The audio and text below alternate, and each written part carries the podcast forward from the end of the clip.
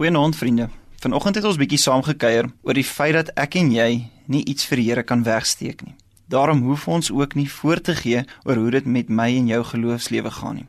Ons kan net in die teenwoordigheid van God wees. Maar wat is die betekenis of die implikasie daarvan vir my en jou in ons geloofslewe en wanneer ons saam met die Here tyd spandeer? Wanneer ek self hieroor dink, help die kruis in ons kerkgebou my baie. Wanneer mens by ons gebou instap, is daar 'n paar kruise wat jy kan sien maar die een kruis op die preekstoel as ook die een bo die orgelpype se een dwarssy is langer as die ander. Nou wil ek op 'n ligte noot vertel, toe ek in die gemeente aangekom het, was die skewe of misvormde kruis vir my een te veel. Ek kon nie verstaan hoe die mense wat die kruis gemaak het nie agtergekom het dat die een kant langer as die ander kant is nie.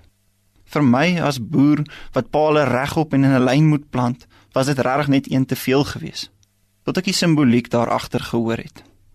Nie een van ons is perfek nie. Ons is gebroken, maar die kruis is vir ons genoeg. En wat beteken dit dan? Ek en jy kruisig onsself daagliks vir die foute wat ons in ons oë begaan en in dieselfde asem koppel ons dit direk aan ons sonde. En dan, sonder dat ons daarvan bewus is, onsself 'n wig plaas tussen ons en die Here. En daarom dan probeer voorgee. Dit is juist die troos vir my en vir jou. God is by ons met ons regheid en ten spyte van ons skeef. Wat beteken dat waar ek en jy dalk vandag gedog het dat my optrede nie weerspieëlend was van 'n kind van die Here nie.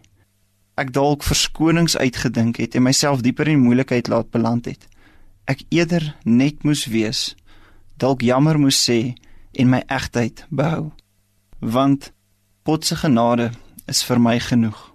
Kom ons bid saam. Here, dankie dat ons nie hoef voor te gee voor U nie. U ken ons harte, maar nog meer, dankie dat om Paulus se woorde te leen, as ek swak is, is ek sterk deur U. Amen.